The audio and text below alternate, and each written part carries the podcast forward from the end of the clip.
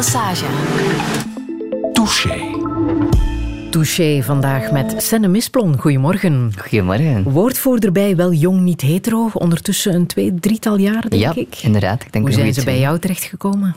Eh, ik ben er eigenlijk een beetje, een beetje ingerold, want ik was al vrijwilliger daar. Ik was coördinator van Theong, dat is een, eh, een transjeugdbeweging eh, onder Theong, eh, onder uh, Wel Jong Niet Hetero. En dan ja, is dat zo waar een beetje, ah ja, zie je dat zitten? En dan dacht ik, ah wel, waarom niet? En het zijn drukke tijden nu, denk ik. Hè? Deze periode is altijd wel de periode waar Wel Jong Niet Hetero veel te zeggen heeft. Ja, enorm. Eh, Het is binnenkort uh, Idahot. Dus dat is de internationale dag tegen ehm, de holibie en transfobie. En dan doet plotseling heel veel eh, bedrijven, of maar ook ehm, eh, organisaties, willen plots eh, dan ook scholen heel veel doen rond eh, dat thema. Dus inderdaad, dan eh, zijn het zeer drukke dagen. En dan ben je ook nog eens uitgenodigd in Touché. Met je bent plezier. ook ehm, een jonge ondernemer die Ja. genomineerd is voor de Grentrepreneur Awards. Ja. Die morgenavond eh, worden bekendgemaakt. Wat denk je? Maak je kans? Wel, ik vind het... ehm, ik vind het dat is misschien zo heel cliché opnieuw, maar ik vind het al een hele eer om gewoon genomineerd te zijn. Ehm, en ik ben er eerlijk gezegd ook niet heel hard mee bezig. Ehm, ja, misschien morgen dan wel meer. Ehm, maar wie weet. Het zou, het zou fijn zijn, het zou echt een, een kers op de taart zijn voor dit schooljaar, zeg maar. Maar ja, we zien wel. Ik, ik, ik durf nog geen, eh, geen uitspraken doen. Want het gaat uit van de hogescholen en de Universiteit Gent en de stad Gent. En daar wordt een jonge ondernemer in de bloemetjes gezet. Ja, alle, alle ehm, Gentse hogescholen en universiteiten ehm, konden hun... Allee, of, daar kunnen alle studenten zich eh, aanmelden. En eh, die werden dan genomineerd in, verschillende rondes. En uiteindelijk ben ik al dus beland in de halve finale. Eh, maar morgen in de finale zal er dan één student per school ehm, zichzelf nog eens moeten... bij wijze van spreken verkopen. van waarom ben jij student-ondernemer van het jaar? En dan zal er daar een eh, winnaar uitgekozen Ja, worden. via een Facebook-event eh, Ja. gaat dat hè, morgenavond. Je bent gekozen omdat je eh, heel veel webinars en lezingen geeft. Mhm. Dat is zo wat jouw hoofdactiviteit op dit moment? Ja, inderdaad. Ik geef lezingen, vormingen, ehm, webinars nu inderdaad ook. op scholen, maar ook in bedrijven. ehm. en daarnaast geef ik ook veel consultancy aan media. ehm, in hoe ze bijvoorbeeld trans- en holibi-personen op een eh, goede manier kunnen representeren. Ja. En je studeert nog altijd, hè? Ja, naast ehm, student-ondernemer ben ik ook nog even vooral student. Ehm, ik doe nu de, het schakelprogramma voor de Master Gender en Diversiteit eh, aan de Universiteit van Gent. Ehm, ja, en hopelijk doe ik dan volgend jaar een stukje van mijn master. Hoe zou jij jezelf omschrijven, Senna? ja, hoe zou ik mezelf omschrijven? Ik ben een eh, heel enthousiast persoon, een heel energiek persoon, ehm, maar ook een, denk ik, ambitieus en gedreven iemand. Ehm, ik heb al gezegd, ik ben een student, ik ben ook ondernemer, ehm, ik ben ook woordvoerder, dat vind ik ook belangrijk. Ehm, en naast dat alles ben ik ook een, eh, een transman. Ik, als we een heel uitgebreide beschrijving mogen geven, dan zou ik ook zeggen van ik ben een goede vriend. Ik ben iemand die er heel hard wil zijn voor, voor zijn omgeving. Eh, en ik hoop dat ik ook een liefdevolle partner ben voor mijn lief. Ehm, Een gedreven Duracell-konijn staat er ook op jouw website. Dat heb je nog niet gezegd. Ja, ja, eh, ja, veel mensen zeggen vaak van...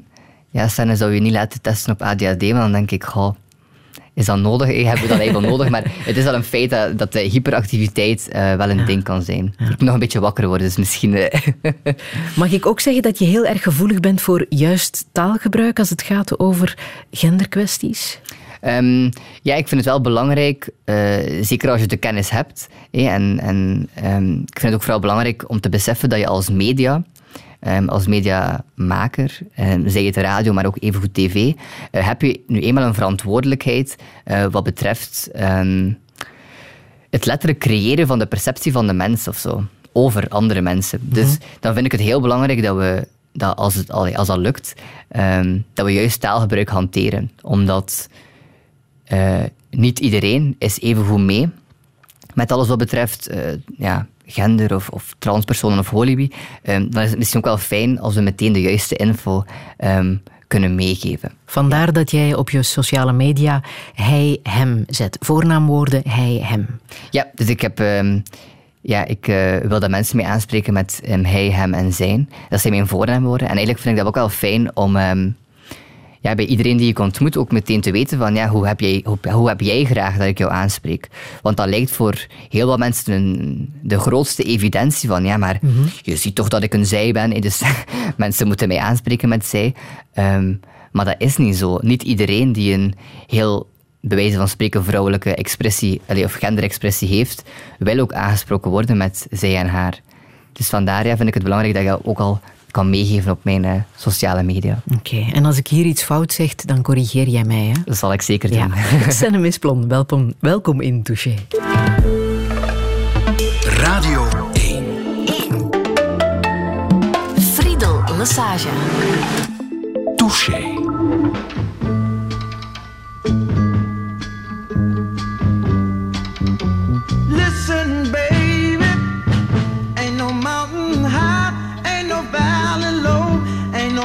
No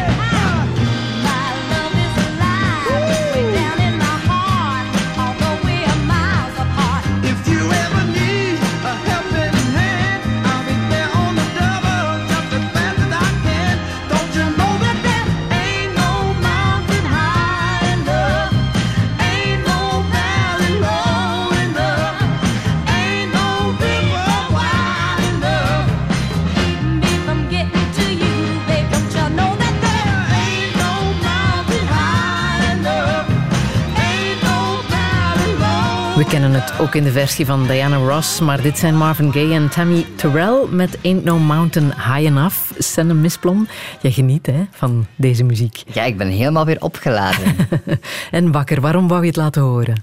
ja, ehm, ik heb het liedje gekozen omdat het echt mijn, hoe zeg ik het, mijn, mijn all-time favorite ehm, is als ik, als ik mij een beetje minder voel of ik heb gewoon nood aan even een oppepper of zo. ehm, dan leg ik dit liedje op. Ja, ik kan dat heel moeilijk beschrijven, maar je zag het misschien even, van zodra de eerste noten vielen, ehm, ja, eh, verscheen er meteen een, een, een brede glimlach op mijn snoet.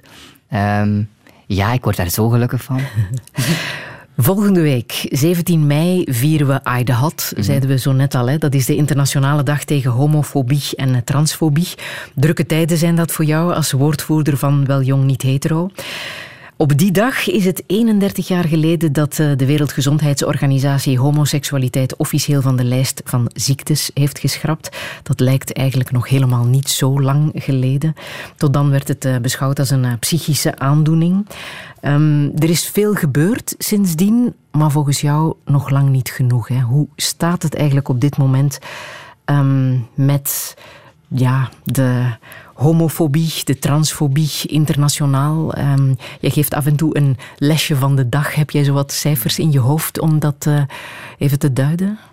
Ehm, ik denk als we kijken naar, eh, als de vraag zou zijn, eh, hoe staan we er vandaag voor in België, dan kan ik wel zeggen dat België ehm, op vlak van rechten op papier er heel goed voor staat. hè. Zeker als we gaan kijken naar... ja, we hebben, nu- we hebben hier het, het huwelijk eh, die open staat voor iedereen. Eh, adoptie staat ook open voor iedereen. Ehm, transpersonen, zeker sinds de nieuwe wet van ehm, 2018, hebben transpersonen ook de, eh, meer de zelfbeschikking om hun naam te kunnen veranderen, om hun geslachtsmarker op de ehm, identiteitskaart te veranderen. Dat was vroeger ehm, niet zo vanzelfsprekend, want toen moest je ehm, onvruchtbaar zijn om dat te kunnen doen. Dus heel veel medische eisen die absurd waren. Dus zeker sinds 2017 is dat al veel beter. Ehm, maar het is nog niet, eh, niet beter voor iedereen. Eh, zeker wat betreft intersexe personen. Ehm, die hebben momenteel nog niet de rechten die iedere mens heeft. want het is vooral heel moeilijk bij... ehm, eh, allee, die hebben ook heel weinig info. Bij transpersonen, ja, heel veel transpersonen die binair zijn, dus mensen zoals mij, mensen die zich identificeren als man of vrouw, ehm, ja, die hebben wel alle rechten, maar non-binaire mensen, dus mensen die ehm, zich niet kunnen identificeren binnen één van die hokjes, man of vrouw, dus dat kan zijn dat ze zich beide voelen, ofwel gewoon iets compleet los daarvan. Die hebben nog niks van, allee, zeer weinig rechten. Er is geen mogelijkheid om je te laten registreren als non-binaire persoon. Ehm, dus zeker wat- wat betreft dan, moeten die wetten nog eh, heel wat hè, eh, verbeteringen krijgen. Maar als- we wonen op zich in een behoorlijk goed land als het daarover gaat. En als je het vergelijkt met andere landen, Ja, als je het vergelijkt met andere landen, dan, ehm, dan zien we dat wij hier een heel sterk wetgevend kader hebben en in andere landen totaal niet. Ehm, zeker in... Allee, er bestaan nog heel wat landen, ik, ja, ik durf er nu geen uitspraken rond doen, maar ik, tientallen ehm, waar er nog de doodstraf ehm, staat op homoseksualiteit. In heel veel landen in de wereld ehm, is het nog steeds strafbaar. Je merkt misschien ook nu in het nieuws heel wat wetten of rechten eigenlijk van, van LGBT-personen, die worden momenteel teruggeschroefd.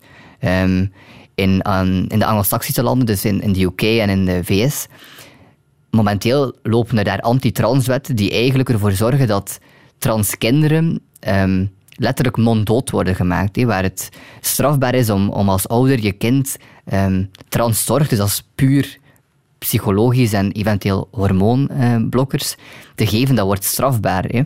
Ehm, in, in Polen en in Hong- Hongarije eh, worden daar wetten stelselmatig afgenomen. Dus wat dat betreft mogen we zeker nog niet op onze lauweren rusten. Ehm, maar nu heb ik heel veel, heel veel gesproken over de, over de wetgevend kader en over de letter van de wet. Maar gelijkwaardig op papier betekent nog steeds niet gelijkwaardigheid in de samenleving. Ehm, we hebben dat zeker ook gemerkt de afgelopen maanden.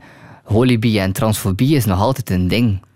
Eh, Zo werd er eh, vorige week in Letland een homoseksuele man in brand gestoken. Een paar maanden geleden was er de moord in Beveren op eh, eh, de homofiele man die door een aantal jongeren het park was ingelokt. Ehm, en dat heeft bekocht met de dood. Het gebeurt te vaak nog, hè? Ja, en ehm, dat zijn onmenselijke dingen om te horen, allee, of, of om mee te maken natuurlijk, dat nieuws. Maar we zien, wij, dan bedoel ik de maatschappij of, of, of de Vlaming, ziet enkel die extreme gevallen. Maar ehm holibie en transfobie, of, of als ik het zo mag noemen, anti-LGBT geweld, dat zit in zoveel andere vlakken. Dat is niet enkel het extreme geweld die we zien van moord of, of gay-bashing die we dan zien, maar dat, dat ligt ook in de kleine microagressies. hè. zoals? Ehm, als je op school iedere dag moet horen dat het meest gebruikte scheldwoord homo is, dan kan ik je verzekeren ehm, dat dat ook iets doet met een mens. Dat doet iets met jouw zelfbeeld, met jouw ehm, zelfaanvaarding enzovoort. Dus doorheen de hele samenleving, niet enkel jeugd, maar ook oudere mensen enzovoort, zijn er nog zoveel ehm microagressies, kleine vormen van geweld, die nog steeds dagelijkse realiteit zijn. Ook voor jou, welke transfobie heb jij zoal ervaren? Goh, de transfobie die ik heb ervaren en dan heb ik nog opnieuw het gevoel dat ik een soort van lotje uit de loterij heb getrokken. Ehm, is niet zo extreem in die mate dat het voor mij vooral ging om microagressies. Mensen die mijn ehm, identiteit willen ontkennen, mensen die vinden dat ik geen echte man ben, ehm, mensen die heel gek mij gaan aanspreken op bepaalde dingen van, ah ja, maar nu ben je toch een man, dus dan kan je dat niet meer doen. Dus ik merk dat de transfobie die ik merk, of heel ongepaste vragen, dat merk ik dagelijks. allee, mensen die een sensatie of een focus hebben op mijn lichaam. ehm, eh, ja, ik denk, je vraagt dat ook niet aan een, aan een cisgender persoon, dus waarom wel aan een transpersoon? Ehm, dat heeft ook een reden hè, waarom ik niet zoveel transfobie ervaar. eh, of, of geweld in het algemeen. Ik ben een ongelooflijk eh, geprivilegeerd persoon. Mensen kijken naar mij en die zien een man.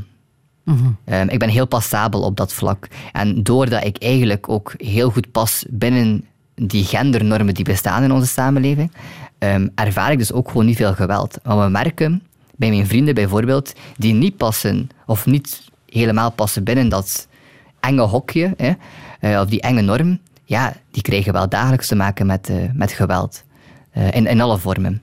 Eh, dus opnieuw, ja, ik ben gewoon een heel geprivilegeerd, ja, wit, passabel persoon. Ik, En het begint natuurlijk ook met eh, de kennis daarover. Hè? Want daar is misschien al een, een verschil dat jij kan uitleggen tussen gender en geslacht. Mm, ja. Dat is al iets wat, als je dat aan de doorsnee mens vraagt, die kunnen daar niet op antwoorden volgens mij. Nee, en gender en geslacht worden ook heel vaak ehm, verkeerd door elkaar gebruikt. Ja. Dus vandaar bij deze. Leg het eens Ehm, uit. Ja, ik zal het kort uitleggen. Geslacht, dan denken wij, allee, dan kijken we vooral naar biologie. Ehm, geslacht dat wordt bepaald bij de geboorte ehm, op basis van geslachtskenmerken. En geslachtskenmerken, ja, bij de geboorte is dat vaak hele geslachtsdelen, maar dat kan ook zijn ehm, geslachtsorganen, geslachtsklieren, chromosomen, eh, hormonen enzovoort. Dus je moet eigenlijk denken aan geslacht dat wordt bepaald op basis van criteria, van dit is een, eh, een mannelijk lichaam en dit is een eh, vrouwelijk lichaam volgens die criteria. Nu, gender, dat gaat over identiteit. Wie ben jij? Ehm, hoe voel je jou? Ben jij een man of ben jij een vrouw? Misschien voel je je wel nog man, nog vrouw, of allebei. Dat noemen we dan, zoals ik net zei, non-binair. Ehm, dus maar ja, gender, allee, als we echt denken aan gender, dan kan ik dat ook niet definiëren, want Het is hoe jij het invult, ja, ik, je gevoel. ik sprak dan vooral over, over genderidentiteit. Ehm, dus het verschil tussen geslacht en genderidentiteit. Mocht ik hier spreken over wat is gender, dan kunnen wij drie uur eh, verschillende definities geven. Ehm, want gender gaat eigenlijk over bijna ja, een sociaal construct in onze maatschappij die alles bepaalt. Ehm, dat gaat over het sociale, dat gaat over het juridische, zoals ik al Ja. eh, aangaf. Ehm, ja, dat is heel moeilijk, dat is heel ook abstract. Hè. Gender is een concept of zo in onze, in onze samenleving. Maar mocht ik echt het verschil moeten uitleggen tussen gender en geslacht, dan kan ik het kort houden. Geslacht is biologie, wordt bepaald bij je geboorte. En eh, genderidentiteit gaat over wie ben jij, over eh, hoe voel jij jou. Ja, Ja, dat is in elk geval al duidelijk. dank je.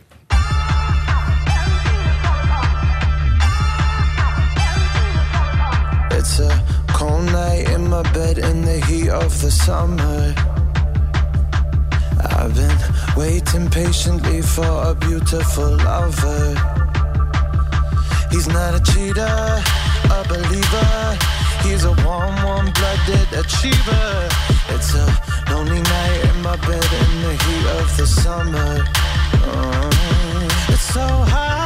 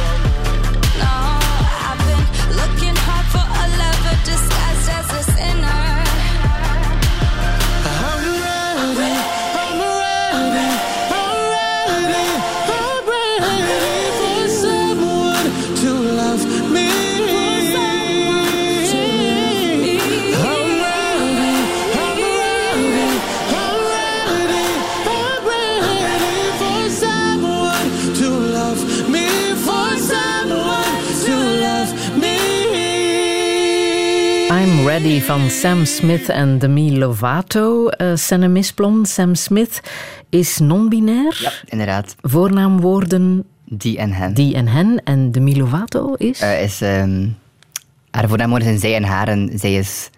Ik denk dat zij net uit de kast is gekomen, maar ik durf het nu al niet meer te zeggen. Als bi of pan, denk ik. Pan is... Ehm, ja, iemand die panseksueel is, die, ehm, die heeft zoiets van... "Goh, de genderidentiteit van mijn potentiële partner, die doet er eigenlijk niet toe. Ehm, ik val op mensen, ik val op karakters. Ehm, En waarom wou je dit laten horen? ja, om, omdat je ten eerste een heel goed eh, liedje uiteraard. Maar ten tweede, ja, dat, dat zijn voor mij ook wel wereldberoemde ehm, LGBT-rolmodellen of zo. Zeker Sam Smith heeft ja, met hun, eh, hun, hun coming out als, als non-binair heeft echt wel een, een gezicht geplakt op eh, non-binariteit. En zeker met, met hun eh, ja, bereik, bij wijze van spreken, heeft dat een hele mooie impact gehad. Eh, en Demi, ja, die vrouw. Ja, is gewoon is, is, is een strijder op zoveel vlakken. Eh, en zeker nu ook een, een belangrijk rolmodel. Ja. Sinds wanneer voel jij je ready om voluit te zijn wie je bent? Ja, dat is een, eh, een heel moeilijke vraag. Ready om ten volle te zijn voor wie ik ben. Ik denk dat ik... Ik zie het als een proces of zo, dus niet als een, als een moment dat je denkt, ah wauw, dat was het. Ehm, maar ik denk zo vanaf, ja, na het middelbaar, dus eh, mijn eerste jaar hoger, ja, die ik dan niet heb gedaan uiteindelijk, maar ehm, ja, die eerste jaren na het middelbaar hebben mij echt de vrijheid gegeven om, om ook te experimenteren met van wie ben ik en, en ook op zoek te gaan en vooral, eh, ja, ik noem het dan een, chosen family of zo. Ehm, heel veel vrienden die, die ook zijn zoals mij of, of andere LGBT-mensen, die mij ongelooflijk veel vrijheid en, en liefde hebben gegeven om, om ook te gaan voor mezelf of zo. En vanaf wanneer voelde je dat je niet echt goed in je vel zat? Wanneer is dat begonnen of de eerste keer echt eh, aan de oppervlakte gekomen? Mm, ik denk in het eh, derde of vierde middelbaar, toen ik ontdekte dat ik toen als meisje ehm, viel op meisjes. Ehm, dat was een, ja, een enorm intense periode of zo, omdat ik, zoals iedere puber, ook niet anders wou zijn dan de anderen. Dus ik heb het daar heel moeilijk mee gehad om ja, eigenlijk te aanvaarden dat ik toen als meisje op andere meisjes viel. Ehm, en in het vijfde middelbare ben ik dan uit de kast, ja, dat is ook zo'n lelijke uitspraak, maar ja, ben ik uit de kast gekomen als, als lesbisch toen. En toen dacht ik, ah, eh, ja, dus nu moet ik normaal geen toch pure vrijheid eh, voelen, of nu moet ik toch gelukkig zijn, maar dat kwam niet.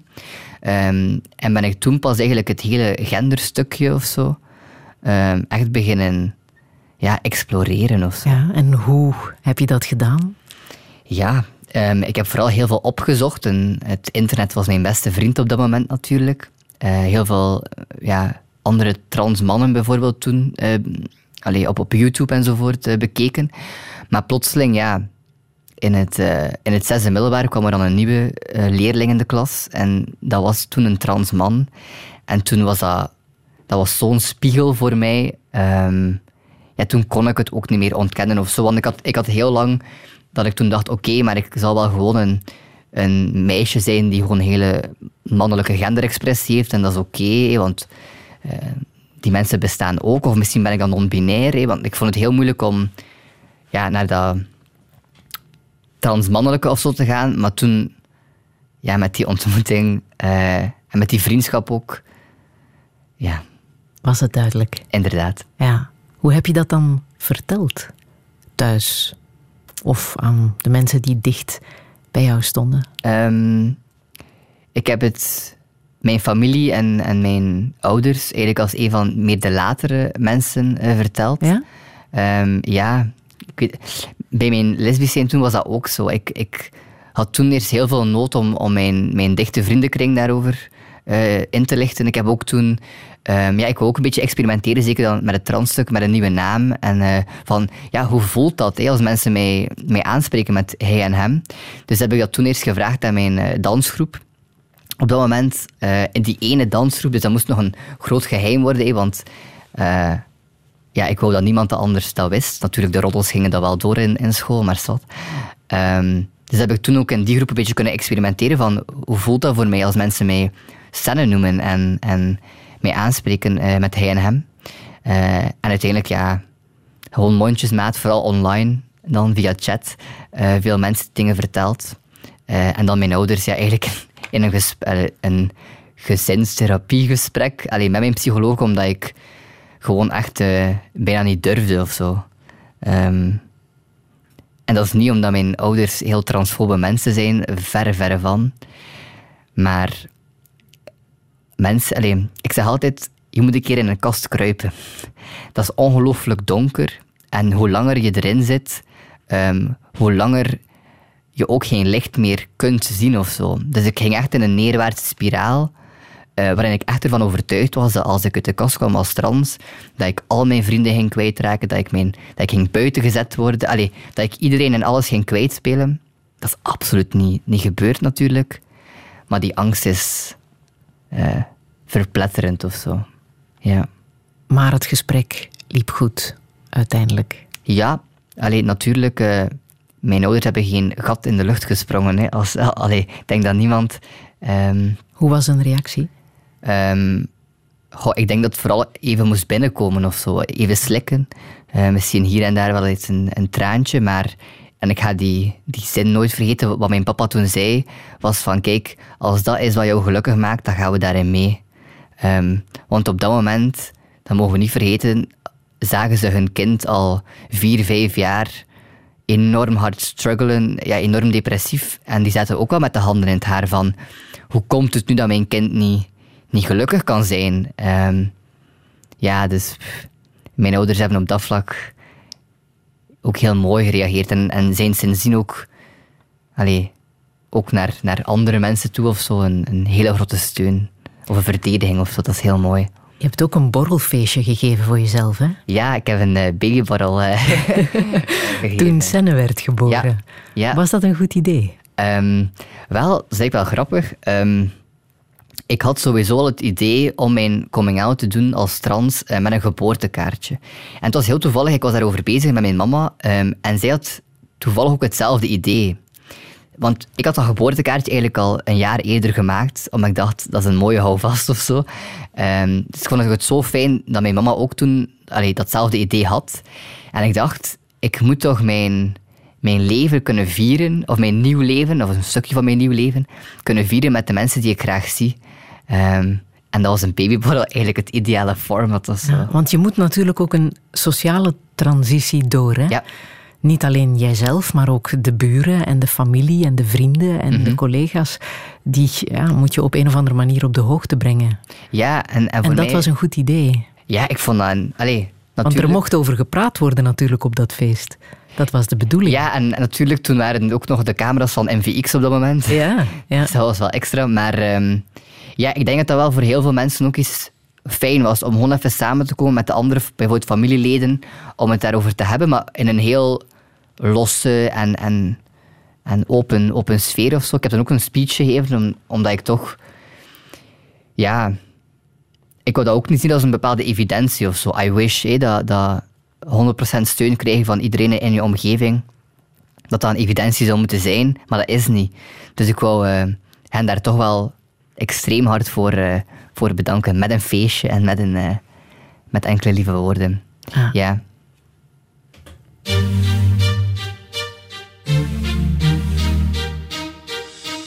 When I'm nervous, I have this thing, yeah, I talk too much. Sometimes I just can't shut the hell up. It's like I need to tell someone, anyone to listen, and that's where I seem to fuck up.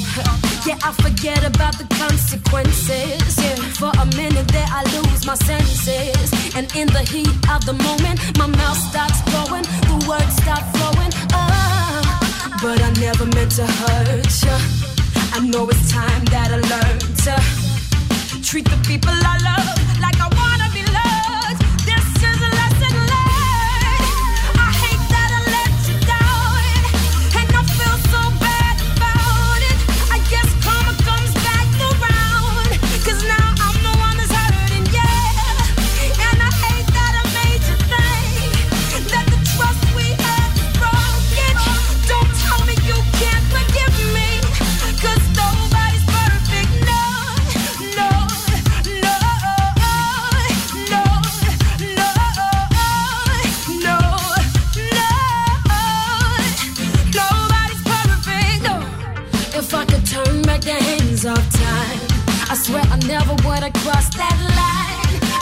kept it between us, but no, I went and told the whole world how I'm feeling. Oh, I, uh. so I sit and I realize, with these tears falling from my eyes, I gotta change if I wanna keep you forever. I promise that I'm gonna try, but I never meant to hurt you.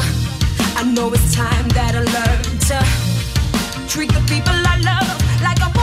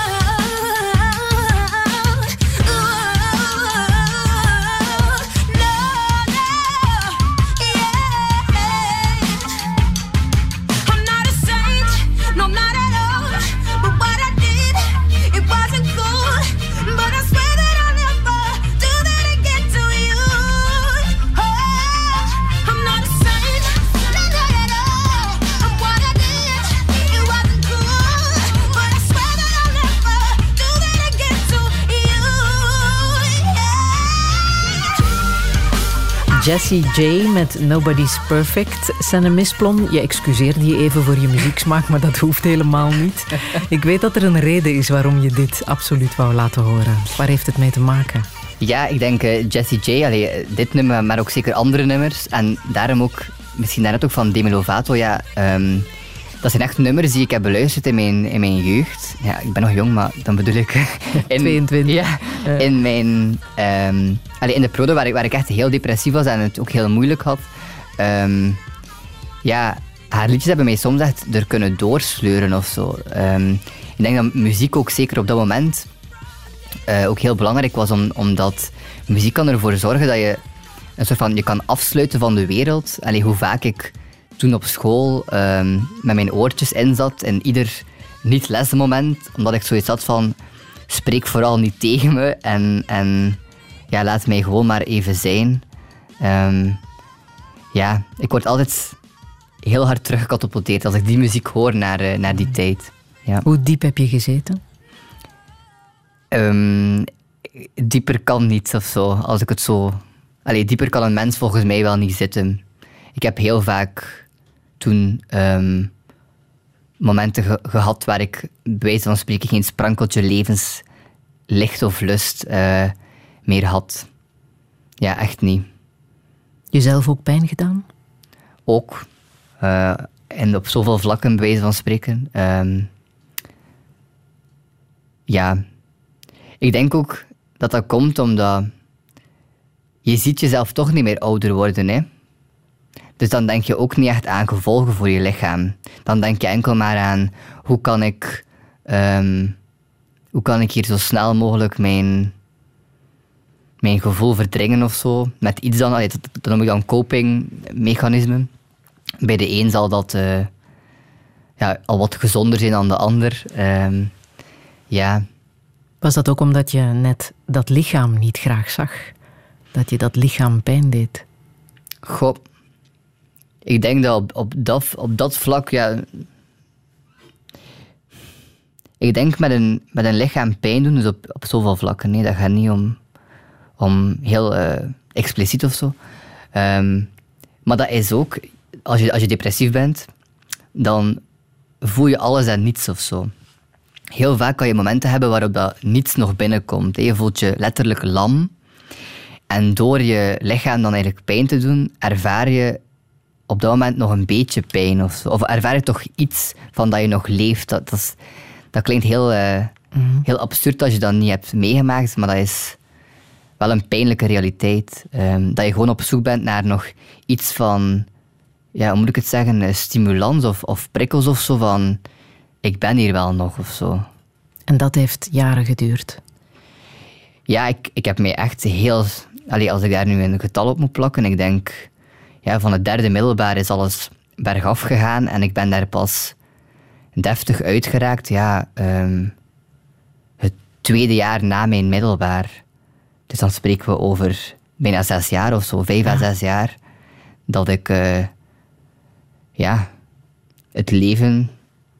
Ja, dat het leven mij heel hard eh, werd of zo. Ja. En door wie of wat ben je daar dan uitgeraakt? heel veel therapie. Ik heb heel veel professionele hulp gehad. Ik heb heel wat psychologen ook afgesleten, bij wijze van spreken. Ehm, ik ben ook twee keer in opname eh, gegaan, in de psychiatrie.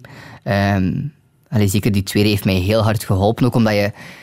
Allee, een opname, dat kan helpen omdat je echt wordt ja, opgenomen uit, uit je realiteit of zo. En je wordt gezet in een context waar je ook tijd en ruimte hebt om enkel en alleen maar te focussen op jezelf. Dus dat heeft mij heel hard geholpen. Ja, maar heel veel therapie. Ehm, ja, ik, heb, ik heb nu bijvoorbeeld, een, eh, merk ik, een, allee, een grotere zelfkennis dan de gemiddelde 22-jarige, maar ik heb er natuurlijk ook wel heel hard voor, eh, voor gewerkt of zo. Ja, Ja. ja. Wanneer heb je dan beslist om ehm, in transitie te gaan, zoals dat heet, om, om de overstap te maken tot transman? Mm, dat is een goede vraag. Ik moet daar zelf even over nadenken. Omdat voor mij, zoals ik net- daarnet ook zei, die sociale transitie is voor mij, dat is niet zo in een vingerknip van en nu weet iedereen het. Ehm, dat is heel geleidelijk gegaan. Maar dat had je nodig om de fysieke transitie te beginnen. Ehm, ja, ik, maar vooral ook omdat ik wou ook niet wachten tot, tot die fysieke transitie. Ik ben scène los van hoe mijn lichaam ehm, eruit ziet of zo. En ik wou ook al zo, zo aangesproken worden. Ja. En ook, ja, ik stond op de wachtlijst van het genderteam. Ehm, die wachtlijst was toen maar een half jaar. Nu is het al anderhalf jaar geworden. Ehm, ja, een mens kan ook niet blijven wachten of zo. Want ik denk, het moment dat ik dat telefoontje heb gedaan naar het genderteam van hoi, ik, eh, ik wil hier hulp krijgen. ehm, toen had ik eigenlijk al de stap gezet van kijk, dat, allee, ik wil hier echt voor gaan. Ik wil hier echt hulp, hulp voor zoeken. Dus ik denk dat ik dan eigenlijk al die stap heb, heb gezet, zo eind zesde middelbaar. Maar het heeft dus wel nog ja, bijna een jaar, een goed jaar geduurd, voordat ik iedereen ehm, op de hoogte bracht, als ik het zo mag zeggen. Ja. Ja. Het meest belangrijke moment, als ik dat goed heb, Mhm. was denk ik jouw eerste testosteronspuit. Klopt dat? In die transitie? Of, Ja, ja. Ehm, ja, ik heb, ik heb wel dat gevoel, want ehm, voor mij was een fysieke transitie, allee, voor alle duidelijkheid, niet iedere trans- en non-binaire persoon heeft de nood om fysiek eh, in transitie te gaan. Maar voor mij was dat, was dat heel belangrijk, omdat ik had ook het gevoel dat eh, mijn stem bijvoorbeeld, eh, die toen heel, eh, of eerder hoog was, ik was al vrij hees, maar ehm, ja, mensen bleven mij toch maar zien als vrouw. En ik,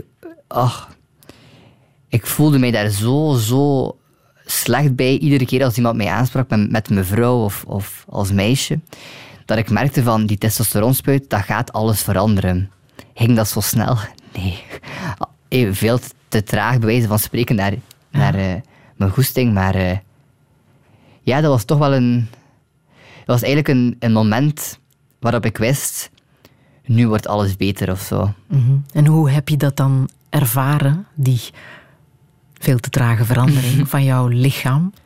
Ehm, ik heb, en nog steeds, ik ervaar, ehm, en we noemen dat dan gender-euforie. Dus zo, ehm, ik ben nu eigenlijk ja, wel een beetje door mijn puberteit, want het is in feite, als je start met testosteron, ga je door een tweede puberteit. Ehm, dus werd ik plotseling zo'n puber van 16. Ehm, op alle vlakken. En je, je libido gaat door het plafond en, en je zweet weer veel harder en alles begint te veranderen. Ehm, maar ik vond het zo fijn om, bij wijze van spreken, iedere week iets nieuws opnieuw te ontdekken. Van, ah wow, op die plek beginnen er nu ook haren te groeien. Of, ah, mijn stem begint nu wel echt lager te klinken. Ehm, en nog steeds, allee, bij iedere nieuwe kinhaar, bij wijze van spreken, ehm, ben, ik, ben ik blij. Ja, ik vind dat nog altijd een, een heel fijn iets of zo. Ah. Wat je zegt, hè, niet iedereen gaat voor een volle transitie. Ja, of, of een fysieke transitie tout court. Hè. Ja. En wat bedoel je daar dan mee? Ja, er is zo wat het misconcept dat ehm, alle, alle transpersonen of alle non-binaire mensen, dat zij eh, zich niet goed voelen in hun lijf. Ehm, ik heb zoiets, allee, of, of ook gewoon een fysieke transitie kunnen hebben, want we mogen niet ontkennen, naast ehm, het feit dat dat ongelooflijk veel kost, hè, ehm, en dat niet iedereen die financiële, ja, hoe moet ik zeggen, financiële Middelen heeft. middelen heeft, heeft ook niet iedereen de omgeving om dat te kunnen doen. Maar ten derde, niet iedereen, ja, als je je goed voelt in jouw lichaam, waarom zou je dat stukje of jouw lichaam court dan veranderen? Ehm, als je bijvoorbeeld geen genderdysforie, noem- noemen we dat dan, geen genderdysforie ervaart ehm, over jouw borstkas, waarom zou je dan een borstoperatie ondergaan? Ehm, Dat moet niet. Nee, want het kost ongelooflijk veel geld, maar het kost ook heel veel risico. Dat, zijn geen, eh, dat zijn geen operaties of, of behandelingen die je even snel, snel, snel eh, doet of zo. Eh, en En dat is al, het, is het een geoorloofde vraag om aan jou te vragen hoe ver ben jij gegaan? ehm, ja, die, die, die vraag impliceert al zo een, eh, een precedent, allee, hoe moet dat zeggen? Zo een, eh, ja, allee, alsof, het, al- alsof er een, een, een reeks bestaat of een volledig plaatje bestaat. Ehm, maar momenteel, ja, ik vind dat geen probleem om daarop te antwoorden. Momenteel heb ik eh, wel al een borstoperatie ondergaan. Ik heb eh, geen baarmoeder en eierstokken meer, dus ik heb een hysterectomie ondergaan. Eh, maar ik heb nog niks van geslachtsoperatie ehm, eh, ondergaan, ook omdat ik... Ja, de wacht, er is ook een wachtlijst, hè. dat is vijf jaar, die wachtlijst. Ehm, maar het kost ook ongelooflijk veel geld en vooral, ehm, het is mij het risico niet waard, momenteel. Eh, de wetenschap staat al ongelooflijk ver. Allee, die kunnen ongelooflijk veel dingen al, chirurgen eh, en urologen ook. Maar eh, het is niet al. En ja, ik, eh, ik kan dan.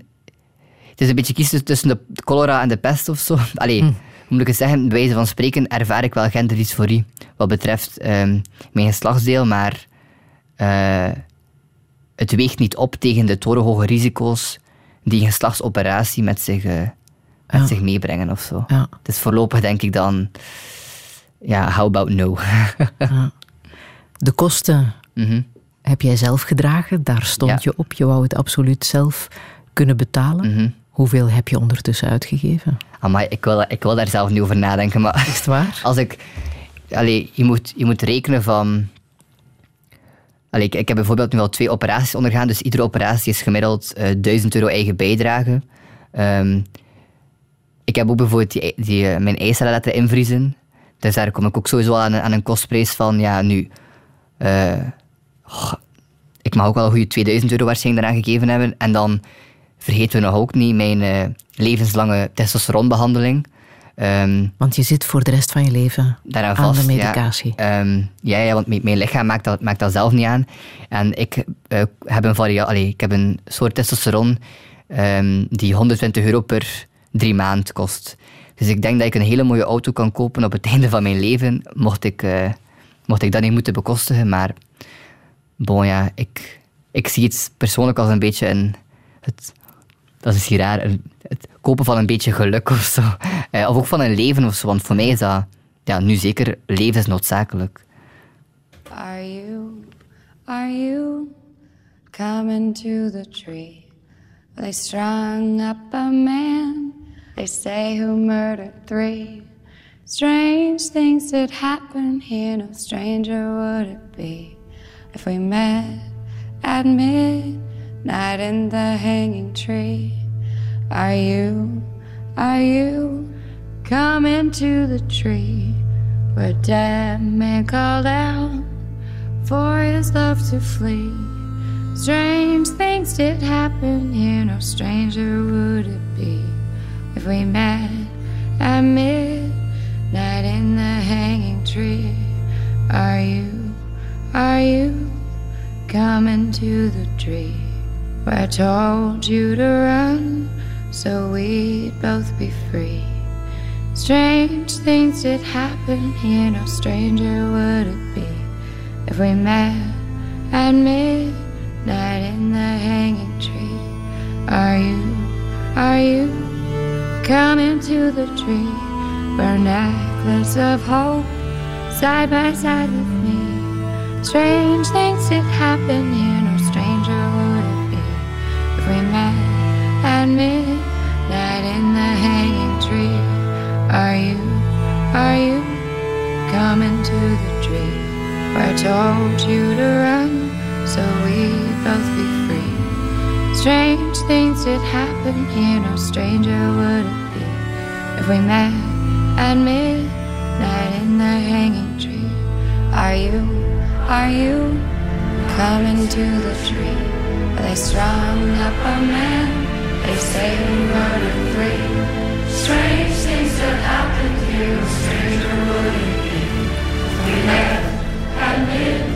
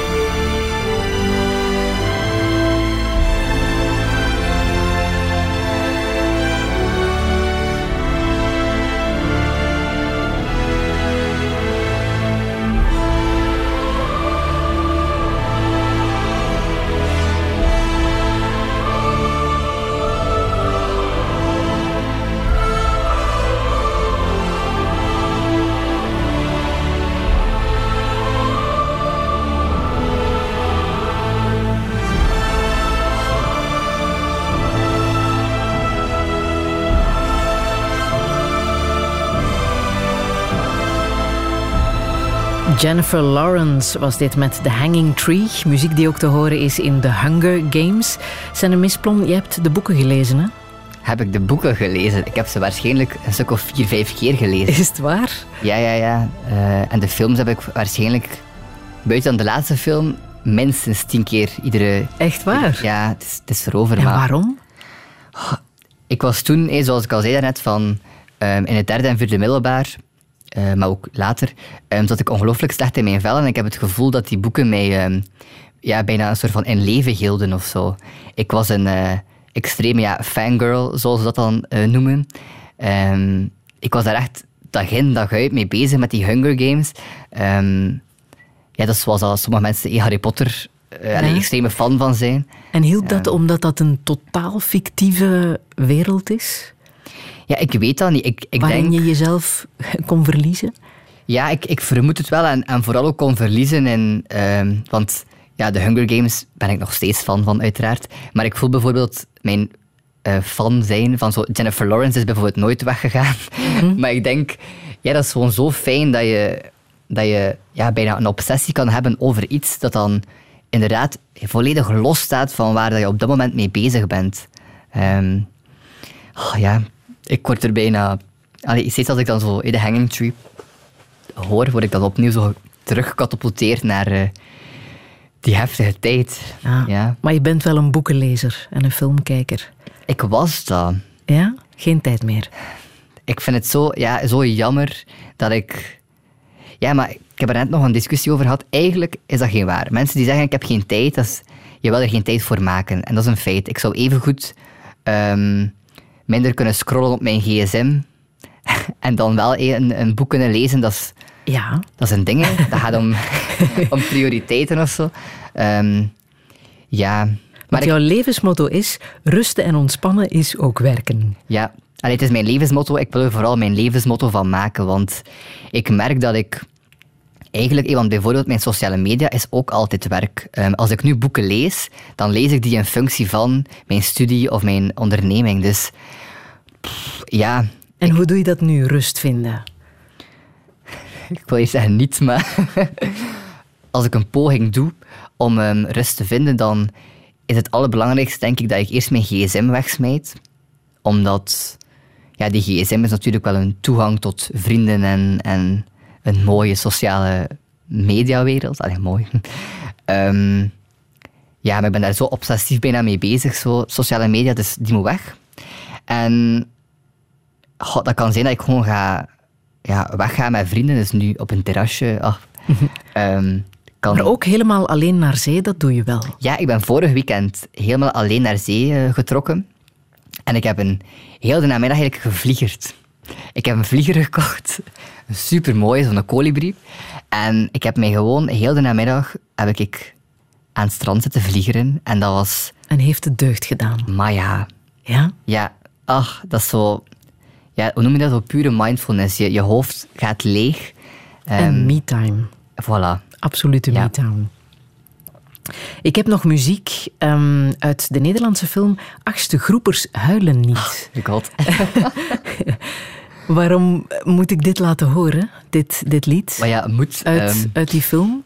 Ja, moeten eh, is veel gezegd. Nee, ehm, het is iets gek met die film en dan vooral die, eh, het liedje is zo wat de eindgeneriek ook. Ja, ja. Ehm, ja, het is nu eenmaal een ding dat sinds ik testosteron neem, dat ik mij eigenlijk niet meer kan herinneren dat ik fysiek heb kunnen huilen. Het is wenen.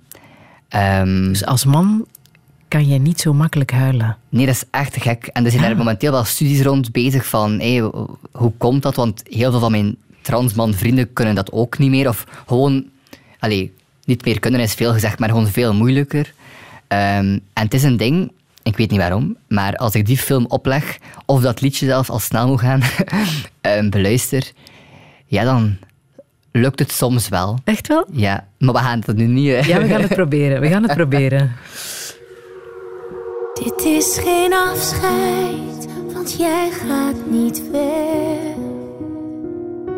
Ik blijf je zien, ik blijf horen wat je zegt. Ik neem je mee, want jij hoort bij mij. In mijn gedachten ben je heel dichtbij. Zolang ik ben, zal jij er nog zijn. Dit pakt niemand, niemand ons meer af. Deze tijd gaat nooit verloren. Als ik zie wat, zie wat jij ons gaf, zie ik wat we kunnen worden. En we zien nog niet wat morgen brengt, maar we weten diep van binnen. Dit pakt niemand, niemand, niemand ons meer af. Soms was het Als we het nummer op repeat zetten, dan gebeurt het wel, volgens mij. Senem Ja, ja, ik, ik, ik- het was de eerste, de eerste melodietjes was al... oeh. Achtste groepers huilen niet. We praten zo meteen verder. Radio 1. Friedel Massage. Touché. Touché met de woordvoerder van Wel Jong Niet Hetero, Senne Misplom. Morgen weet hij of hij entrepreneur van het jaar wordt. Als jonge ondernemer heeft hij de missie om de maatschappij op alle mogelijke manieren te onderwijzen in het volledige landschap van gender- en seksuele diversiteit. Dat doet hij via lezingen en webinars, maar ook door zijn eigen verhaal te delen. Senne is een transman. Na een aantal zware jaren nam hij de levensnoodzakelijke beslissing om ten volle zichzelf te zijn. Senne voelt zich goed nu in zijn vel en trans zijn is nog steeds een belangrijk deel van zijn leven. Maar hoe moet het verder? Komt er ooit een tijd waarin de enge opsplitsing tussen man en vrouw niet meer aan de orde zal zijn? Wat heeft hij met musical? En wil hij graag kinderen? Dit is Touché met Senne Misplom. Een goede middag. Flying. There's not a star in heaven that we can't reach. If we're trying, so we're breaking free.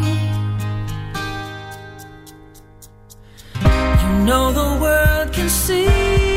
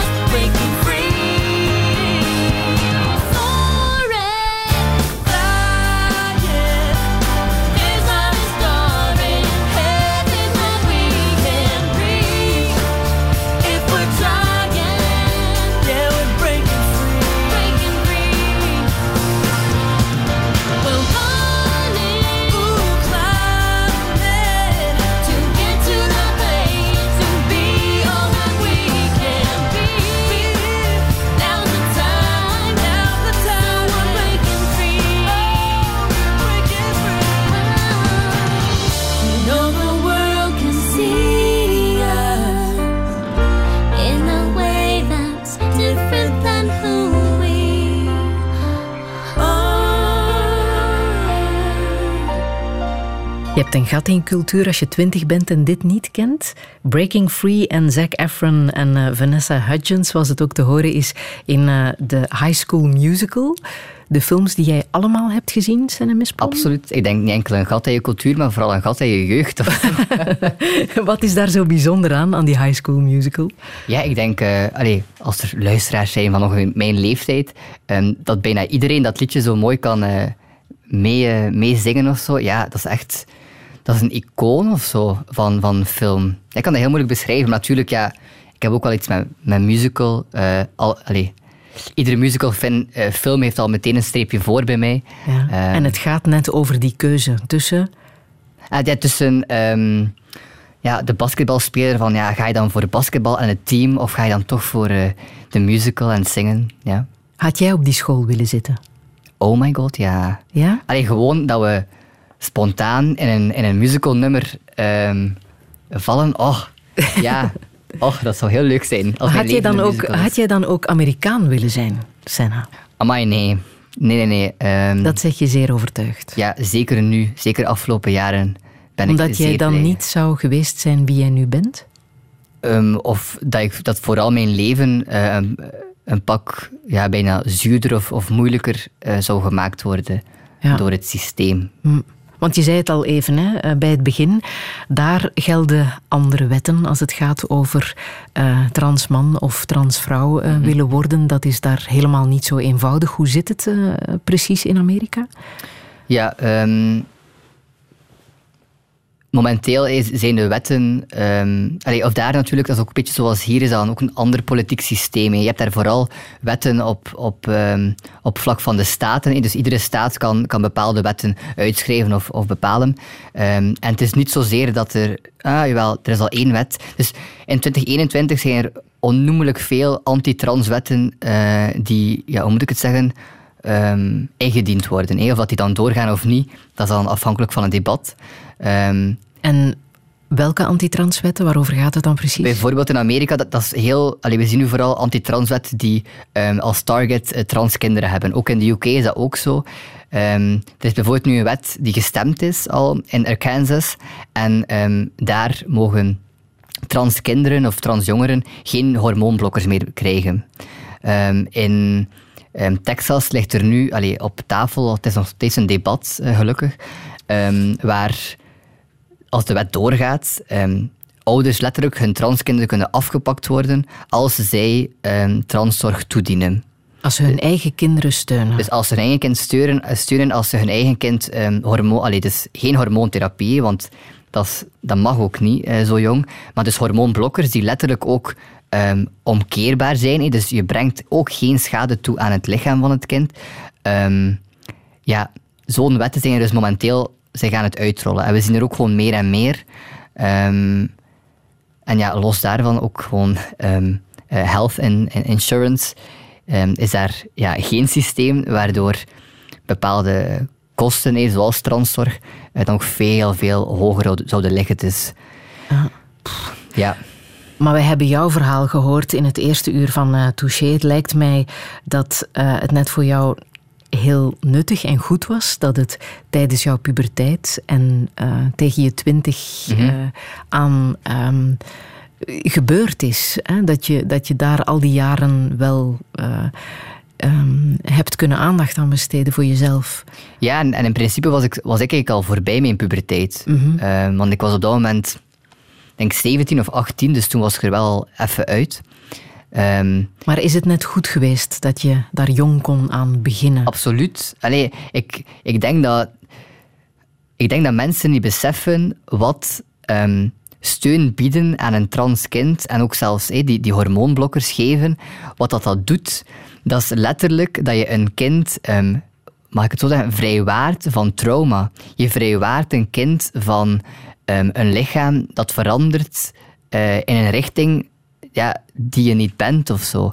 Het, ehm, het zorgt er ook voor dat een fysieke transitie, als je die dan wil, eh, bijvoorbeeld met dan ehm, hormoontherapie enzovoort, ja, dat je letterlijk maar één puberteit in moet, die dan ook de puberteit is die je wil.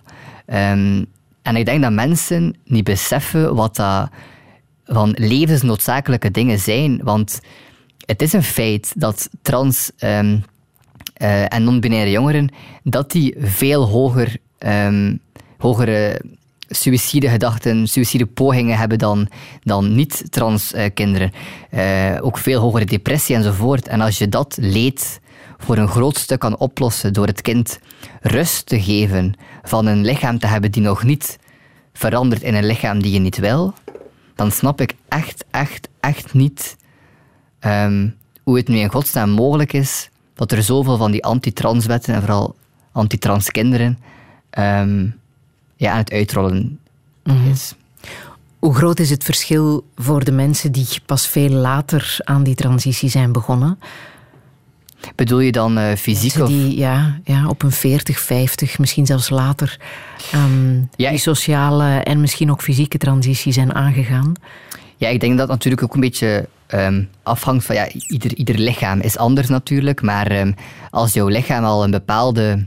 allee, als jij 40 jaar hebt geleefd in, een, in een lichaam, ja, dan kan je die niet zomaar of heel snel ehm, aanpassen met bijvoorbeeld ehm, hormoontherapie. Stel dat Ehm. jij 40 jaar lang voluit vrouw was geweest, dan was die transitie echt wel een heel ander verhaal geweest. Ja, als ik eh, voluit ja, dan nog in het lijf zat van, van, een, eh, ja, van, een vrouw is eigenlijk niet, want ik, ik ben een man. Maar wat de mensen dan zien als een vrouwelijk lichaam, ja, dat ging dan ook wel een psychisch leed geweest zijn. hè. Ik denk dat we dat vooral niet mogen eh, ontzien.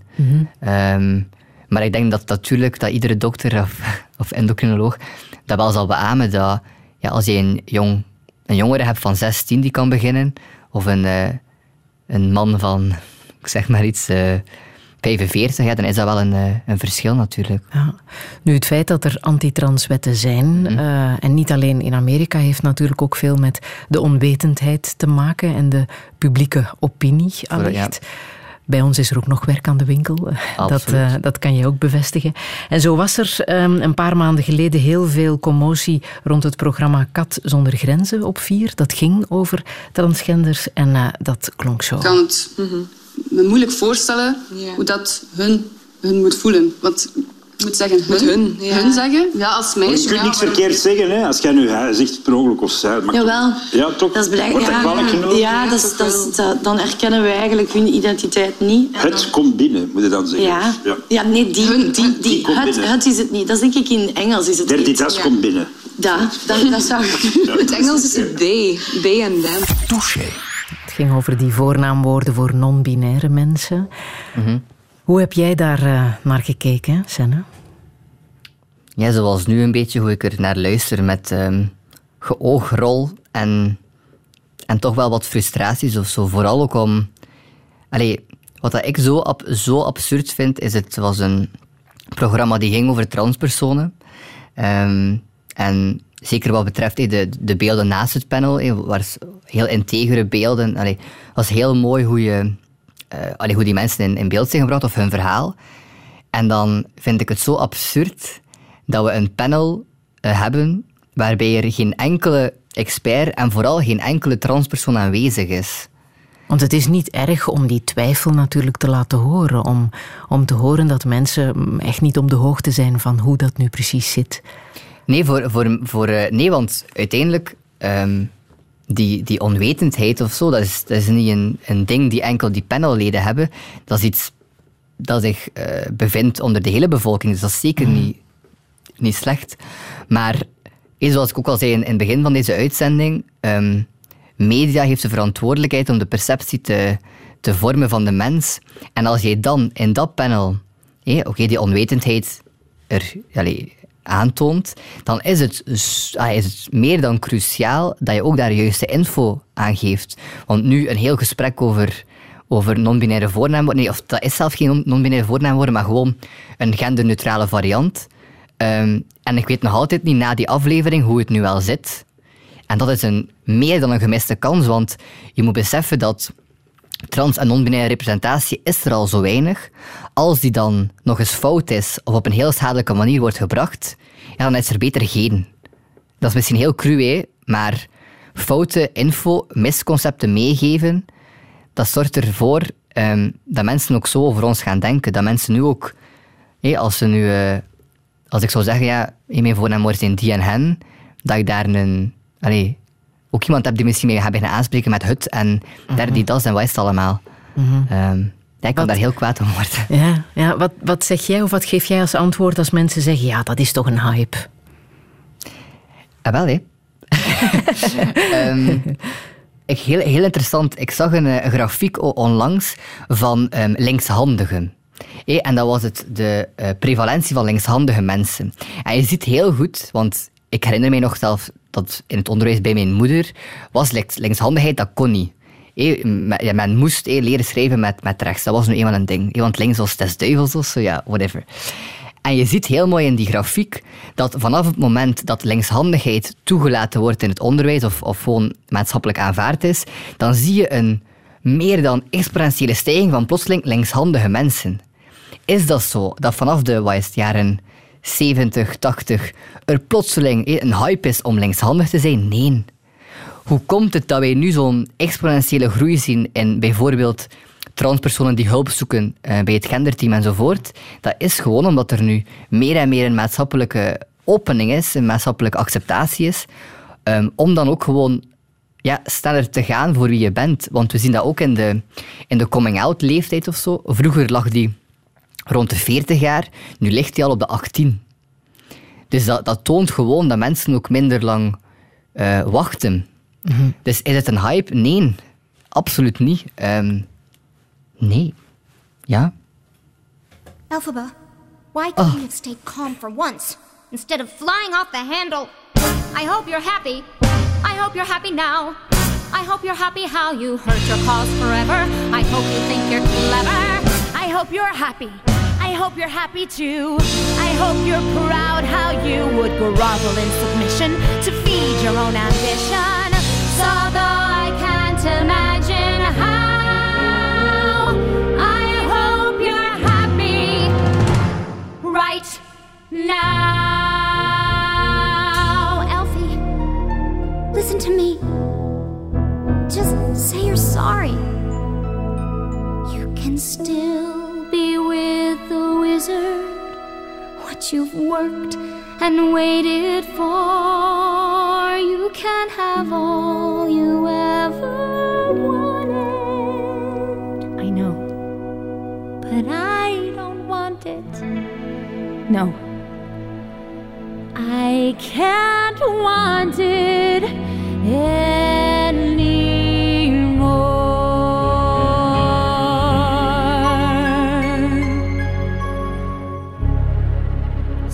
Something has changed within me. Something is not the same. I'm through with playing by the rules of someone else's game. Too late for second guessing. Too late to go back to sleep. It's time to trust my instincts. Close my eyes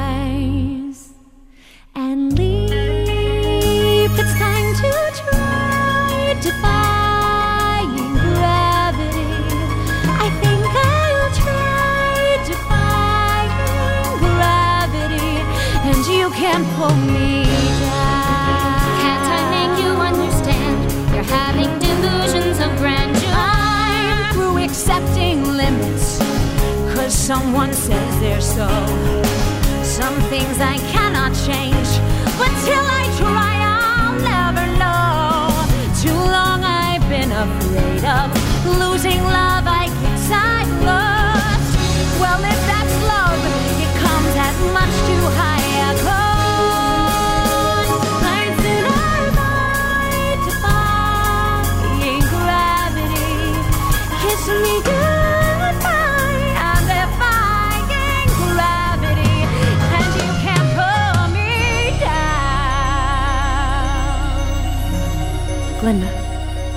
come with me. Think of what we could do together. Unlimited. Together we're. Dat is zo'n typisch stil momentje in zo'n musical-nummer. Senne Mispelon, ik kijk naar jou. Defying Gravity uit de musical Wicked. Ja. Die heb je gezien. Amai, gezien? Ja. Ja, Ehm, waar? ik Wanneer? in, Hoeveel keer? Eh, Wel, helaas maar één keer. Ja, waarschijnlijk gezien de kostprijs ook. Eh, maar dat was in Londen, eh, samen met, mijn- met mijn tweelingsbroer. We waren toen voor onze 18e verjaardag, denk ik, een tripje Londen. Amai. En wij allebei... pff, ik weet nog, de lichten gingen aan. Dat is al lang gedaan, de show. Maar wij bleven maar zitten van... Wat hebben wij net beleefd? Echt waar? Ja, en nog steeds, als ik, die, allee, als ik liedjes hoor van The Wicked... ah, ja, dan word ik meteen weer heel warm en enthousiast. En kan je uitleggen wat er dan gebeurt met jou? Ja, ik weet het niet, maar zo...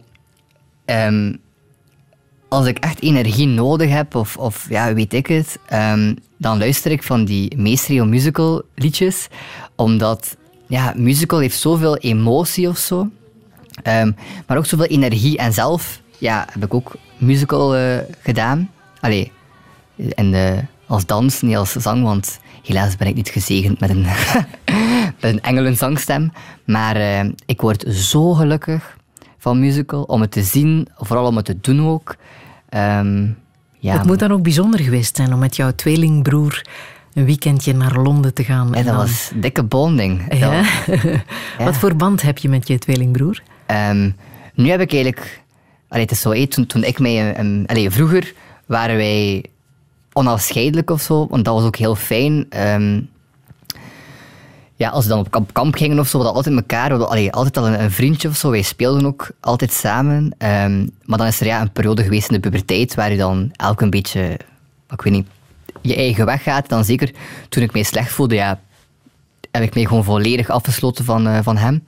Ehm, Maar dan ging het steeds eh, beter en beter terug. En ja, ik kan dat niet beschrijven. Dat zo... Ja, wij zien elkaar niet veel, wij horen elkaar ook niet zo heel veel. Maar als we elkaar zien, is dat gewoon... Ja, zo, dat is een beste vriend of zo. Hè. Mhm.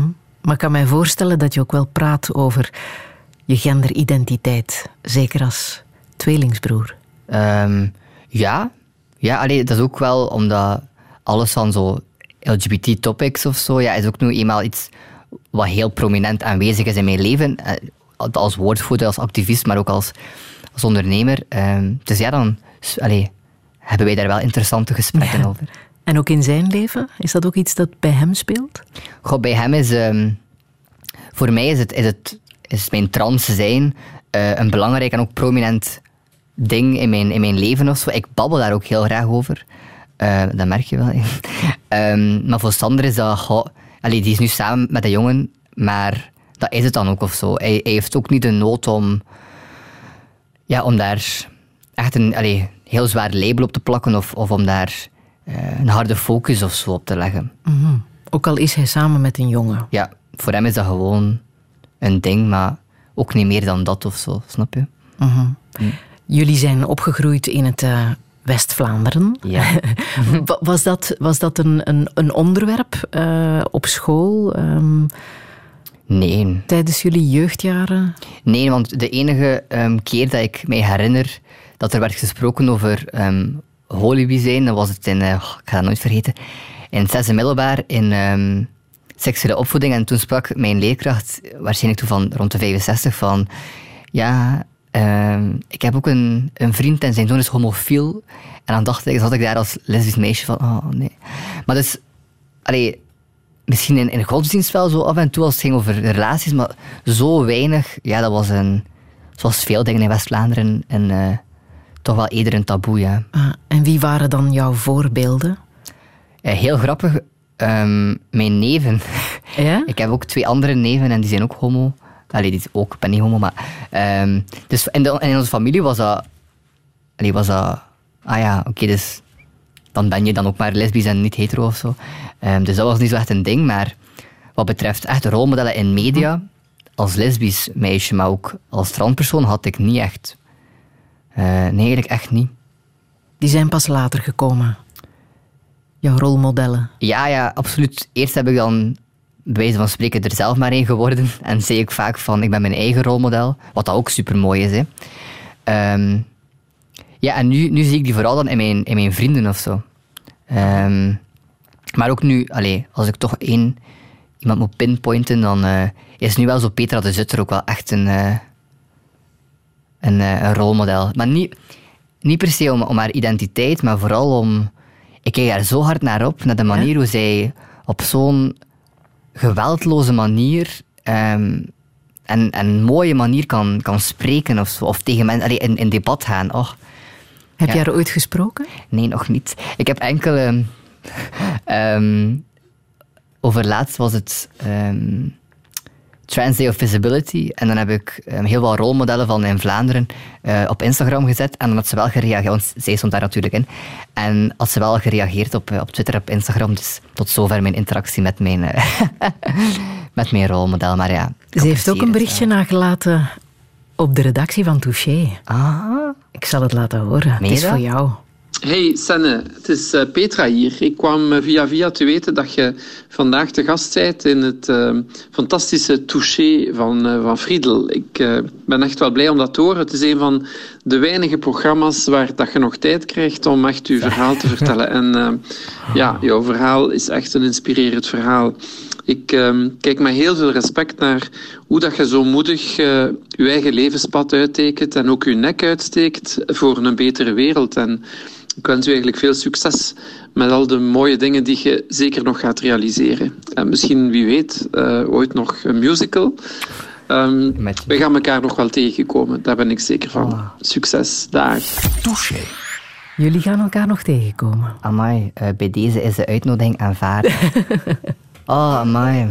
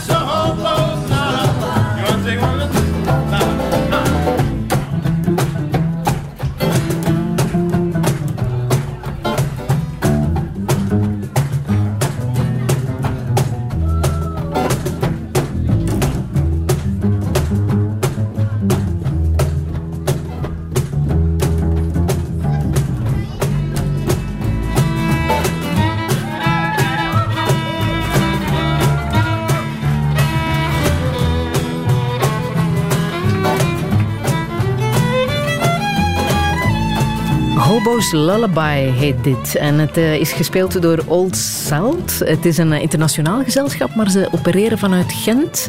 Ja. Zijn de misplon? Ja, ik kijk naar jou, want jij kent ze beter dan ik, denk ik. Ja, er is een... eh, allee, ze hebben ook zo wat een, hoe moet ik het zeggen, een, een fluïde groep. Zo soms zijn ze met vijf, soms is met zes.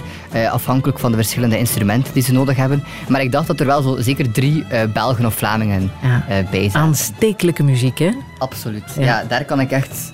Allee, zeker als ik wil ontspannen of zo, uren naar, eh, naar luisteren. En waarom wou je het laten horen? Ja, ik, ik, ehm, ik zou het ook wel ooit misschien willen boeken voor mijn trouw. maar ehm, eh, ja, ik word opnieuw, zoals bij al die andere nummers eigenlijk, wat teruggecatapulteerd naar, een, eh, naar mijn eerste echte festival, Dranouter. Ehm, ja, waar dan ook allemaal zo'n muziek, zo wat folk, wordt gespeeld. En ik heb die toen verschillende keren live allee, mogen zien. Ehm, en ik word opnieuw ja, van al die nummers bijna warm ehm, van binnen als ik die hoor. Je Ja. kan die eh, gewoon boeken via de website, hè? Voor Ja, jouw trouw, is, eh, als, het, als het zover is. Ja. Maar dus, je zou willen trouwen. Ik denk dat wel. Ehm, nu nog niet, hè, want ik ben 22. Maar ja, ik vind dat iets super mooi. ja, trouwen voor de kerk kan ik wel al niet meer. Maar ik vind dat mooi. Vooral ook het feest. Allee, zo de, Wacht, trouwen voor de kerk kan je al niet meer? ja, de katholieke kerk erkent mijn... ehm, het, is, het is ingewikkeld eigenlijk nog. Dus, Mhm. ehm, de katholieke kerk erkent mijn eh, identiteit niet. Dus voor de katholieke kerk ben ik nog steeds eh, een vrouw. Dus ik zou trouwen met een vrouw, wat dan maakt dat ik dan eigenlijk een, een homohuwelijk heb, wat dus niet kan, allee, officieel voor, de, voor de kerk. dus daarvoor zou, ik, allee, zou dat al niet lukken, natuurlijk. Ik heb wel, allee, een bevriende priester zou mij wel willen, eh, hoe moet ik het zeggen, eh, inhuldigen. Allee, Mhm. zou wel zijn zegen kunnen geven, ehm, maar ik zou nooit officieel in het trouwregister kunnen staan. Maar ja, wat zijn dan letters of zo, of in een boekje? Aha. Maar voor de Ehm, wet kan het ja, wel. ja ik, ik denk dat ik vooral ook zou trouwen voor het feest. En dat klinkt misschien heel raar, maar vooral omdat ik, ik wil dat kunnen vieren met... allee, ik wil mijn liefde kunnen vieren met, met alle mensen die ik graag zie of zo. Ah, dat is toch mooi. En weet je Ja. al met wie je zou willen trouwen? Ehm, hopelijk met mijn, met, eh, met mijn huidige lief, eh, Cheyenne. Ehm, wij zijn nu in de zomer, denk ik. Amai, nu mag ik niet missen. Hè. Eh, ik dacht vijf jaar samen. Is dat? Dat zal wel zeker. Ja, ja, vijf jaar samen. Ehm, ja. Ach, ja, want zij weet ook al welk, soort trouwjurk ze wilt. En ik ga dan eindelijk eens een pak op maat kopen waarschijnlijk. Ja, ja. en de rest past ik niet, maar Aha. ja. En hoe komt het dat jullie op elkaar zijn gevallen, denk je?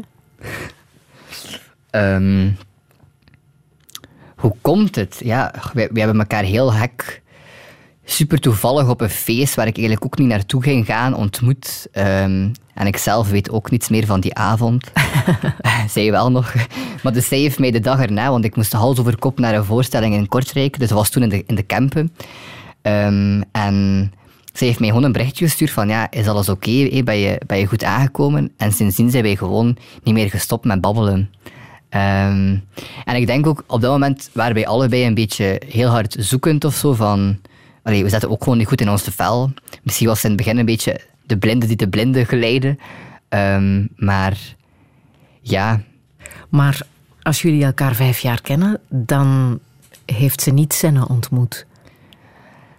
Ah, wel, ik moet daar nu even over nadenken. Ehm, ik denk wel dat ik vanaf het begin heb gezegd van, kijk Shine, ehm, ik ben Senne, maar de meerderheid, allee, mijn omgeving eh, weet niet ehm, dat ik Senne ben. Dus ik heb wel heel duidelijk gezegd van, echt meerdere keren in het begin, jij hoeft hier niet voor te kiezen.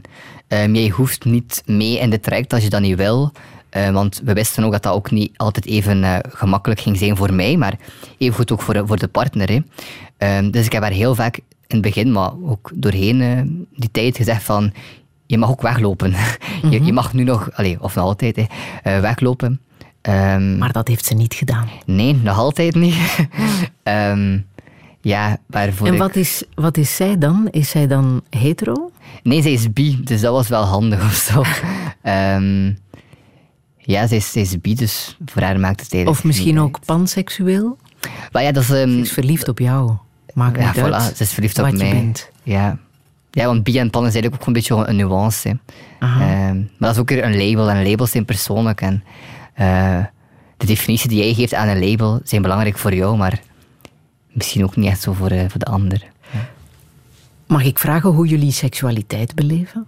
Hmm, ehm, ja, ik denk dat seksualiteit beleven als transpersoon, dat dat ehm, niet voor iedereen, niet voor evengoed, kan dat geen obstakel zijn. ehm, voor anderen dan wel. En ik denk dat we daarin eh, vooral heel veel communicatie hebben of zo van wat werkt er voor jou, wat werkt er voor mij. Ehm, Want fysieke aanraking, hoe is dat voor jou? Is dat iets wat je graag hebt of, of net niet? Het- bij zo'n spreken zeer afhankelijk van, van dag tot dag of zo. Dat is ook een beetje afhankelijk van hoe, eh, hoe goed voel ik mij in mijn eigen vel of zo. Eh, maar even goed bij haar, ja, ik denk iedere mens die, die zich slecht voelt ehm, in zijn vel of, met, of zijn zelfbeeld of zo, ja, dan, dan lukt die seksualiteit in iedere vorm misschien wat moeilijker of zo. Dus heel afhankelijk, maar dan vind ik het ook fijn dat wij ehm, dat ook heel hard kunnen aangeven aan elkaar. Van, weet je, vandaag niet, want allee, zit of zo, of zelfs geen, eh, geen uitleg. En ja, waar kan je van genieten op seksueel vlak? Ehm, ik, ik kan vooral genieten van het. eh, dat is misschien- van zo de mentale connectie of zo dat je hebt. En zo affectie op, allee, op vele vlakken. Ik denk, ik ben eerder zo iemand die. ehm, ja, waar het liefdevolle of zo heel belangrijk is. En, en de, hoe zeg je dat, tederheid of, of genegenheid. Ehm, voor mij bijvoorbeeld is, is, eh, is seks geen ehm, met als doel orgasme bijvoorbeeld. Voor mij gaat het echt gewoon om ja, een heel intiem mooi moment. En dat is ook genieten of zo. Mhm. Nee? En heb je daar nood aan? Hoop je dat dat nog evolueert bij jou? Wel, ik heb zelf ehm, eigenlijk heel weinig nood aan, aan, ehm, aan seks met een partner of zo. Ehm, ik heb heel weinig... Allee, ik kan bij wijze van spreken denk ik wel een, allee, zelfs misschien een jaar of, of een paar maanden zonder. Zonder dat, zonder dat ik er echt heel veel last eh, van ondervind. Ehm, dat is waarschijnlijk anders dan de, de gemiddelde mens misschien, maar eh, ja, dat is hoe dat ik dat een beetje beleef of zo. Mhm. En gebruik je dan hulpmiddelen of hoe doe je dat? Ehm, goh, mijn grootste hulpmiddel is eigenlijk een beetje fantasie of zo. Want uiteindelijk, ehm, ja, seksualiteit beleven, eh allee, zeker als transpersoon of zo, ja, dat is al iets heel lichamelijk. En als je eigenlijk al bepaalde delen eh, van je lichaam, als je daar moeilijk mee hebt, ik zal het zo zeggen, dan is het delen van dat lichaam met een andere, allee, andere persoon, ja, iets heel moeilijk of zo. Ehm, maar opnieuw is communicatie daar eh, cruciaal in. Want uiteindelijk, dat is misschien raar, maar samen met je fantasie kan je wel een bepaald lichaam hebben. Of kan je wel, ehm, ja, kan je wel eh, bepaalde handelingen doen zonder dat, er, allee, dat je een bepaald lichaamsdeel hebt of niet. Eh, maar dat, dat denk dat communicatie, ik hoop dat bij iedereen communicatie ehm, binnen seksualiteit een ding is. Ehm, maar bij mij merk ik gewoon dat dat echt meer dan cruciaal is om, om samen die seksualiteit op, op een fijne manier te kunnen beleven. Ja. Want jij bent niet gegaan voor een prothese, heb je al gezegd. Ja. Ehm, dat hoeft ook echt niet. Dat heb je niet nodig. Ehm, wacht, bij prothese, wat bedoel je dan? Een, een geslachtsoperatie? Dat moet ik jou en- vragen. Ah ja, wel. Want ik ben even... Ja, je hebt natuurlijk ook, ehm, ook echt protheses ehm, ehm, waarbij je bijvoorbeeld als man zonder penis ook wel eh, penetratieve seks of zo kunt hebben. Maar ik vind dat allemaal soms een beetje omslachtig. Ehm, dus heb ik dan liever zo niet veel gedoe. Maar dan natuurlijk ja, heb ik... Ik heb geen geslachtsoperatie ondergaan, dus dan heb ik ook geen penis. Maar ik heb niet het gevoel dat ik dat momenteel nodig heb of zo om eh, seksualiteit te kunnen beleven. Wil jij kinderen? Damn. Ehm, ik ben 22. Ehm, ja, ik, ik heb er wel voor gekozen om, om mijn eicellen te laten invriezen voor ik testosteron begon. Ehm, om die optie open te houden. Allee, om eh, kinderen met mijn eigen genetica eh, te hebben. Maar ik denk het wel. Ik denk dat ik echt een goede vader zou zijn. Ehm, Maar als het jouw eicellen zijn, ja, dus ik kan... dan moet Cheyenne ze dragen. Ja, ja, ja. Ik kan, ik kan niks meer dragen momenteel. Eh, mijn, eh, mijn baarmoeder is eruit, dus die optie is er niet meer. Ehm, ja, maar andere opties wel nog. hè, Dus, dat Maar daar houden ze ook rekening mee Wat bedoel je? in jouw transitie. Dat ze die eicellen invriezen Ehm, voor jij aan je testosteronbehandeling bent begonnen. Ehm, net zoals met alles van een fysieke transitie is alles eh, optioneel. Ehm, meestal, allee, hopelijk, gaan ze vaak voordat iemand start met een hormoonbehandeling aangeven van ja, kijk, hè, zo het fertiliteitsgesprek. Wil jij kinderen van jezelf? Zo ja, dan is het best dat je dat nu doet. Maar er zijn heel weinig transmannen die dat doen omdat ik denk, iedere, iedere transman of, of vrouw die eicellen heeft laten invriezen, die weet wat voor een, eh, ik zoek een mooi woord, een eh, verschrikkelijk, moeilijk, emotioneel um, traject dat is. Dus heel veel transmannen kiezen ervoor om dat niet te doen. Ehm, waar ik alle, alle respect ook voor heb. Eh, maar ik heb er dus uiteindelijk wel voor gekozen om dat te doen. En was het effectief zo moeilijk en zwaar? Ja, maar ik, ik ben heel blij dat bij mijn eerste keer er meteen genoeg eicellen waren. Want voor hetzelfde geld had ik die behandeling gedaan en zeiden ze: ja, oké, je hebt nu, zeg maar iets, bijvoorbeeld vijf rijpe eicellen kunnen invriezen. Ja, dat is niet genoeg. Ehm, je zou nog een keer moeten, maar dan weet ik niet of ik nog de mentale kracht zou gehad hebben om, eh, om dat effectief te doen. Want tijdens die behandeling ben je echt op en top vrouw. Je wordt zo gestimuleerd. Eh, ja, allee, op en top vrouw is misschien een beetje raar verwoord, maar je wordt wel heel hard ehm, gereduceerd. Biologisch ja, gezien tot dat vrouw zijn. Want je, krijgt, allee, je moet letterlijk iedere dag, meerdere soms, injecties ehm, hebben met dan ja, vrouwelijke hormonen om, om eigenlijk die eicellen of die follicels ehm, extra hard te laten rijpen. Dus op een ge- gegeven moment ben je een mens.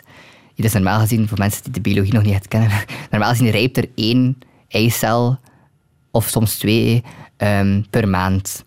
Maar dus op dat moment zit je waarschijnlijk met een eierstokken die soms tot tus- tussen de 15 en 20 eicellen aan het rijpen tegelijk zijn. Ehm, dat betekent ook dat jouw lijf vol met hormonen zitten. Je bent ongelooflijk emotioneel. Dat is, dat echt een understatement.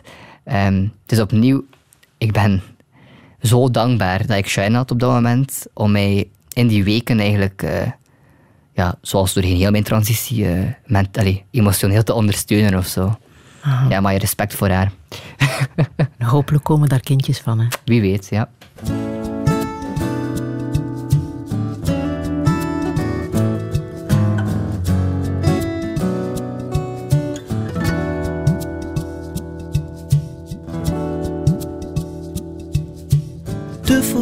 Half negen, speelplein van de kleuterklas.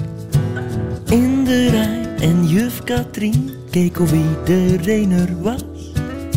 We waren prachtig gedresseerd, goeiemorgen juf Katrien. Ik stond tussen Bob en Marga, de rest kon ik niet zien.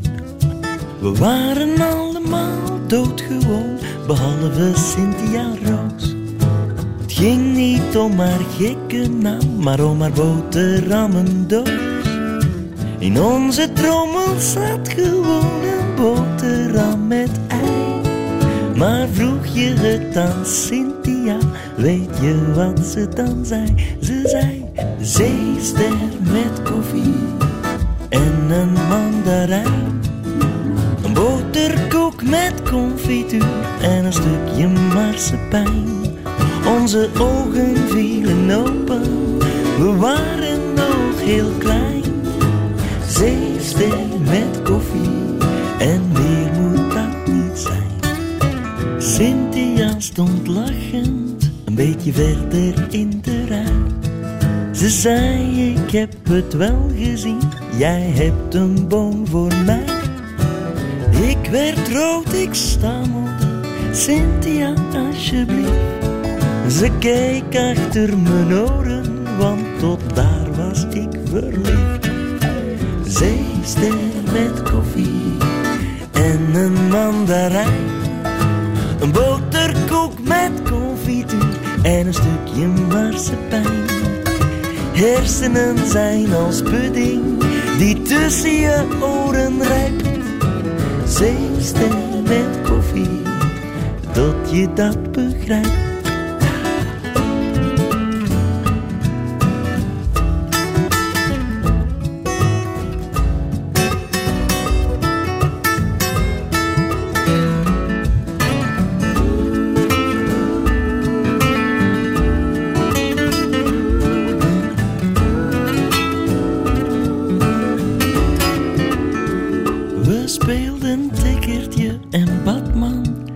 Omdat Cynthia dat soms wou, ook wel iets romantisch, bijvoorbeeld man en vrouw. Mijn kleine broer beweerde dat hij priester was en hij heeft er ons in geluisterd. Hij verbond ons in de echt, maar toen zijn we verhuisd. Zeester met koffie en een mandarijn. We gingen weg uit de val, het lot kan gruwelijk zijn. Ik was een trouweloze hond, zoals dat wel eens gaat. Ik droom nog regelmatig dat haar pa mij op mijn bakje slaat.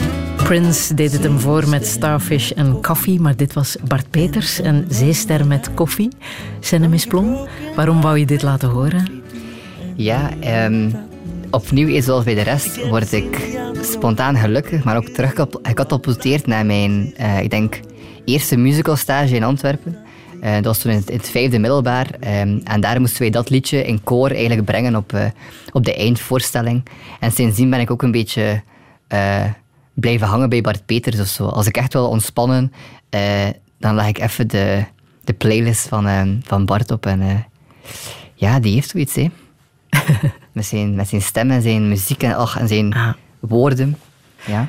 Je wordt in november 23. ja, 5 november. Wat zou je echt nog willen in het leven?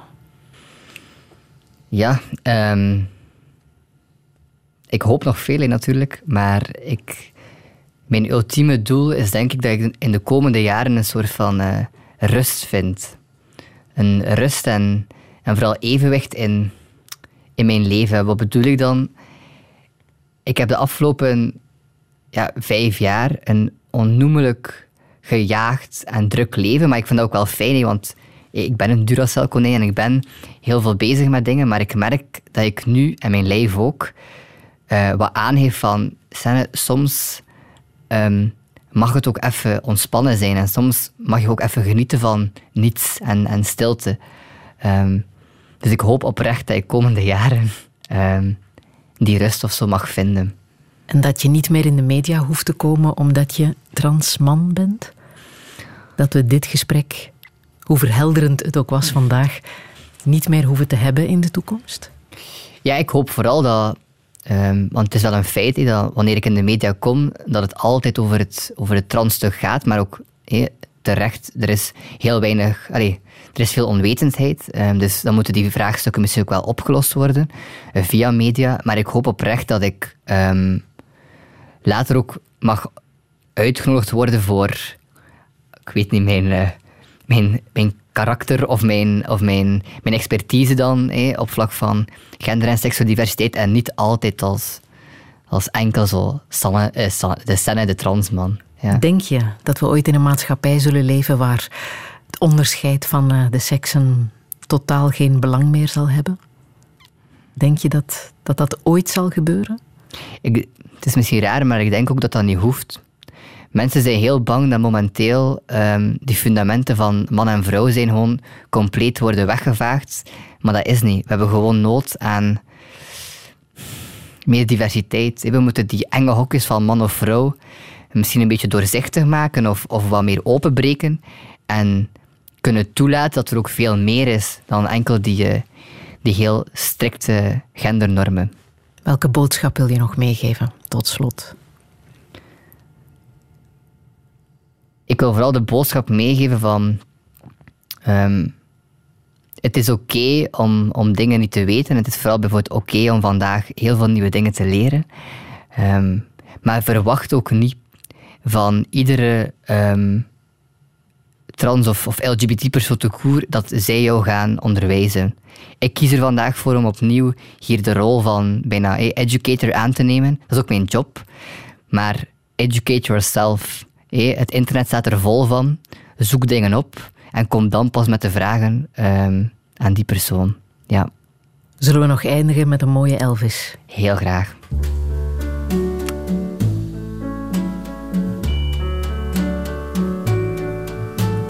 Wise say only fools rush in, but I can't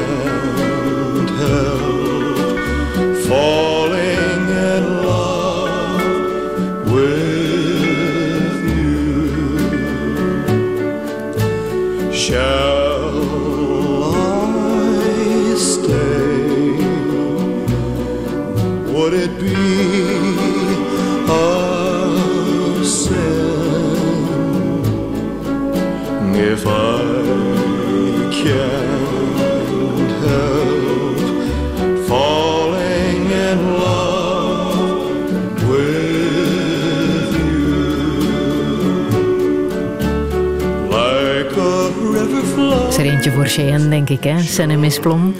Can't help falling in love with you. Ik wil jou heel hartelijk danken voor eh, dit eh, gesprek. En eh, ik zeg er ook bij dat mocht je naar aanleiding van deze uitzending zelf nood hebben aan een gesprek, dat je altijd terecht kan bij Teleonthaal en de zelfmoordlijn. Dat kan anoniem, gratis en zonder afspraak. Al die info vind je ook terug op onze website radio1.be. Volgende week praat ik met gewezen scenarist Wart Hulselmans. Graag tot dan. Herbeluister dossier via de podcast, de Radio 1-app en radio1.be.